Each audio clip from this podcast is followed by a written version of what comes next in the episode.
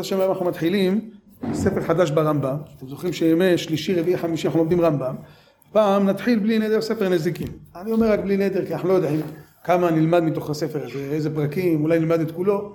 אבל עד, עד כה למדנו שלושה ספרים, התחלנו וסיימנו אותם, מדע, אהבה וזמנים עכשיו אנחנו מתחילים סדר, ספר נזיקים שזה הספר האחד עשר מתוך היד החזקה. חביב עליך. והרמב"ם חביב על כל ישראל, כן? הרמב"ם הוא אדוננו הרמב"ם.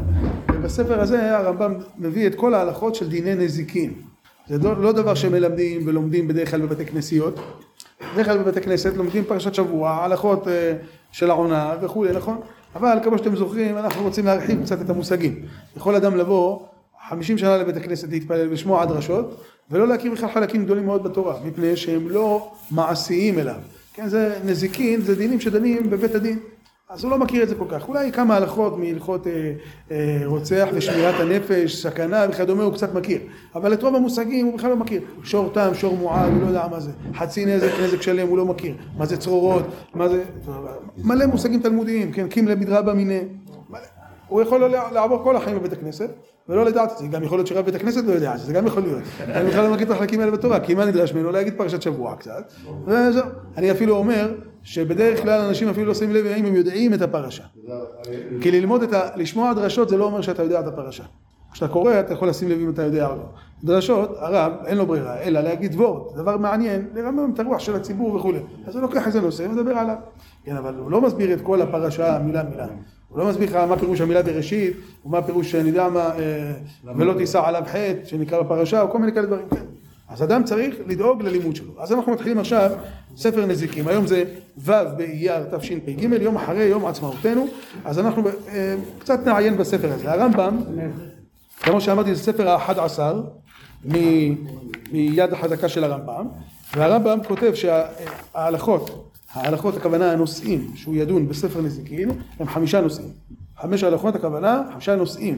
אחד הלכות נזקי ממון ממון שלי שהזיק וזה מה שנתחיל בלי נדר היום. הדבר השני זה הלכות גניבה גניבה זה כולל גניבת ממון וזה כולל גם גניבת נפש. כתוב פעמיים בתורה לא תגנוב. לא תגנוב כתוב בלוחות הברית וכתוב לא תגנובו. ולא תכחשו ולא תשקרו איש בעמיתו. אז יש גניבת ממון ויש גניבת נפשות. אלה שניהם הרמב"ם ידון בהם בהלכות גניבה. ומה דין הגנב? ומה ההבדל בין גנב לגזלן אחרי זה הנושא השלישי הלכות גזלה ואבדה. אלה שני נושאים בנושא אחד. גזלה, גזלה זה שאדם לוקח בכוח ממישהו פנים בפנים לא כמו גנב שהוא בא בחושך והאבדה מציאת האבדה איזה אבדה צריך להכריז איזה אבדות הם שלו. הנושא הרביעי הלכות חובל ומזיק. אדם שחבל בחברו והזיק לו החובל בחברו חייב עליו חמישה דברים כן? יש נזק, יש צער, ריפוי, יש שבט השבית אותו, יש בושת כן? כל אלו נידונים בנושא הזה, אלו חמישה דברים. מה זה? עושק. עושק זה בגזלה. אבל שכר שכיר זה בנושא אחר. נראה. הלכות רוצח ושמירת הנפש זה הנושא החמישי.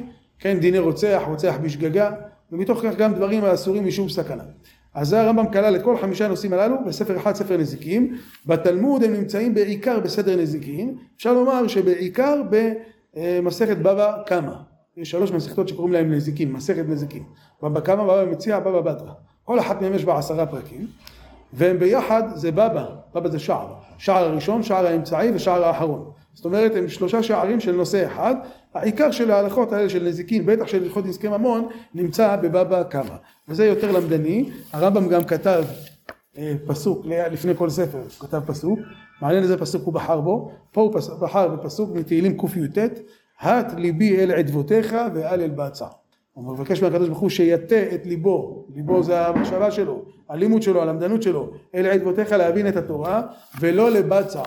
מה זה לא לבצע? לא לבצע כסף. אני חושב שהרמב"ם פה רומז שלא לבצוע. מה זה לבצוע? לעשות פשרה.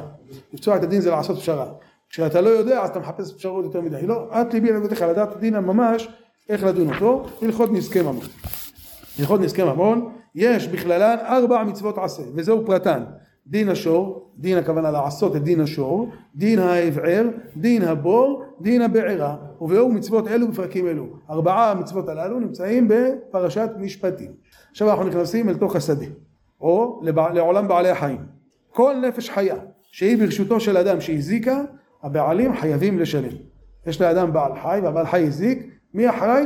הבעלים. כלב נשך, מי אחראי? הבעלים. שור שנגח, מי אחראי? הבעלים. כי הבעלי חיים אינם ברשות עצמם, הם שייכים לאדם.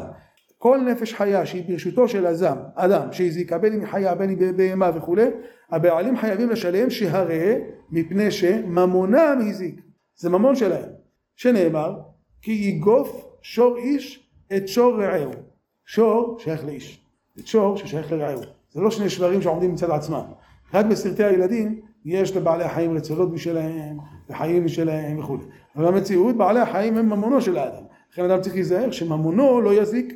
גם החתול? עכשיו, עוד מעט נראה, כן, גם, כן, גם את זה נלמד. עכשיו מה התורה אומרת? כי יגוף שור איש, שור הגמרא, התורה אומרת כל הזמן, שור יעשה כך, שור יעשה כך, אז מה תגיד רק שור, רק שברים? לא. אחד השור ואחד שאר בהמה, מה זה אחד? בן.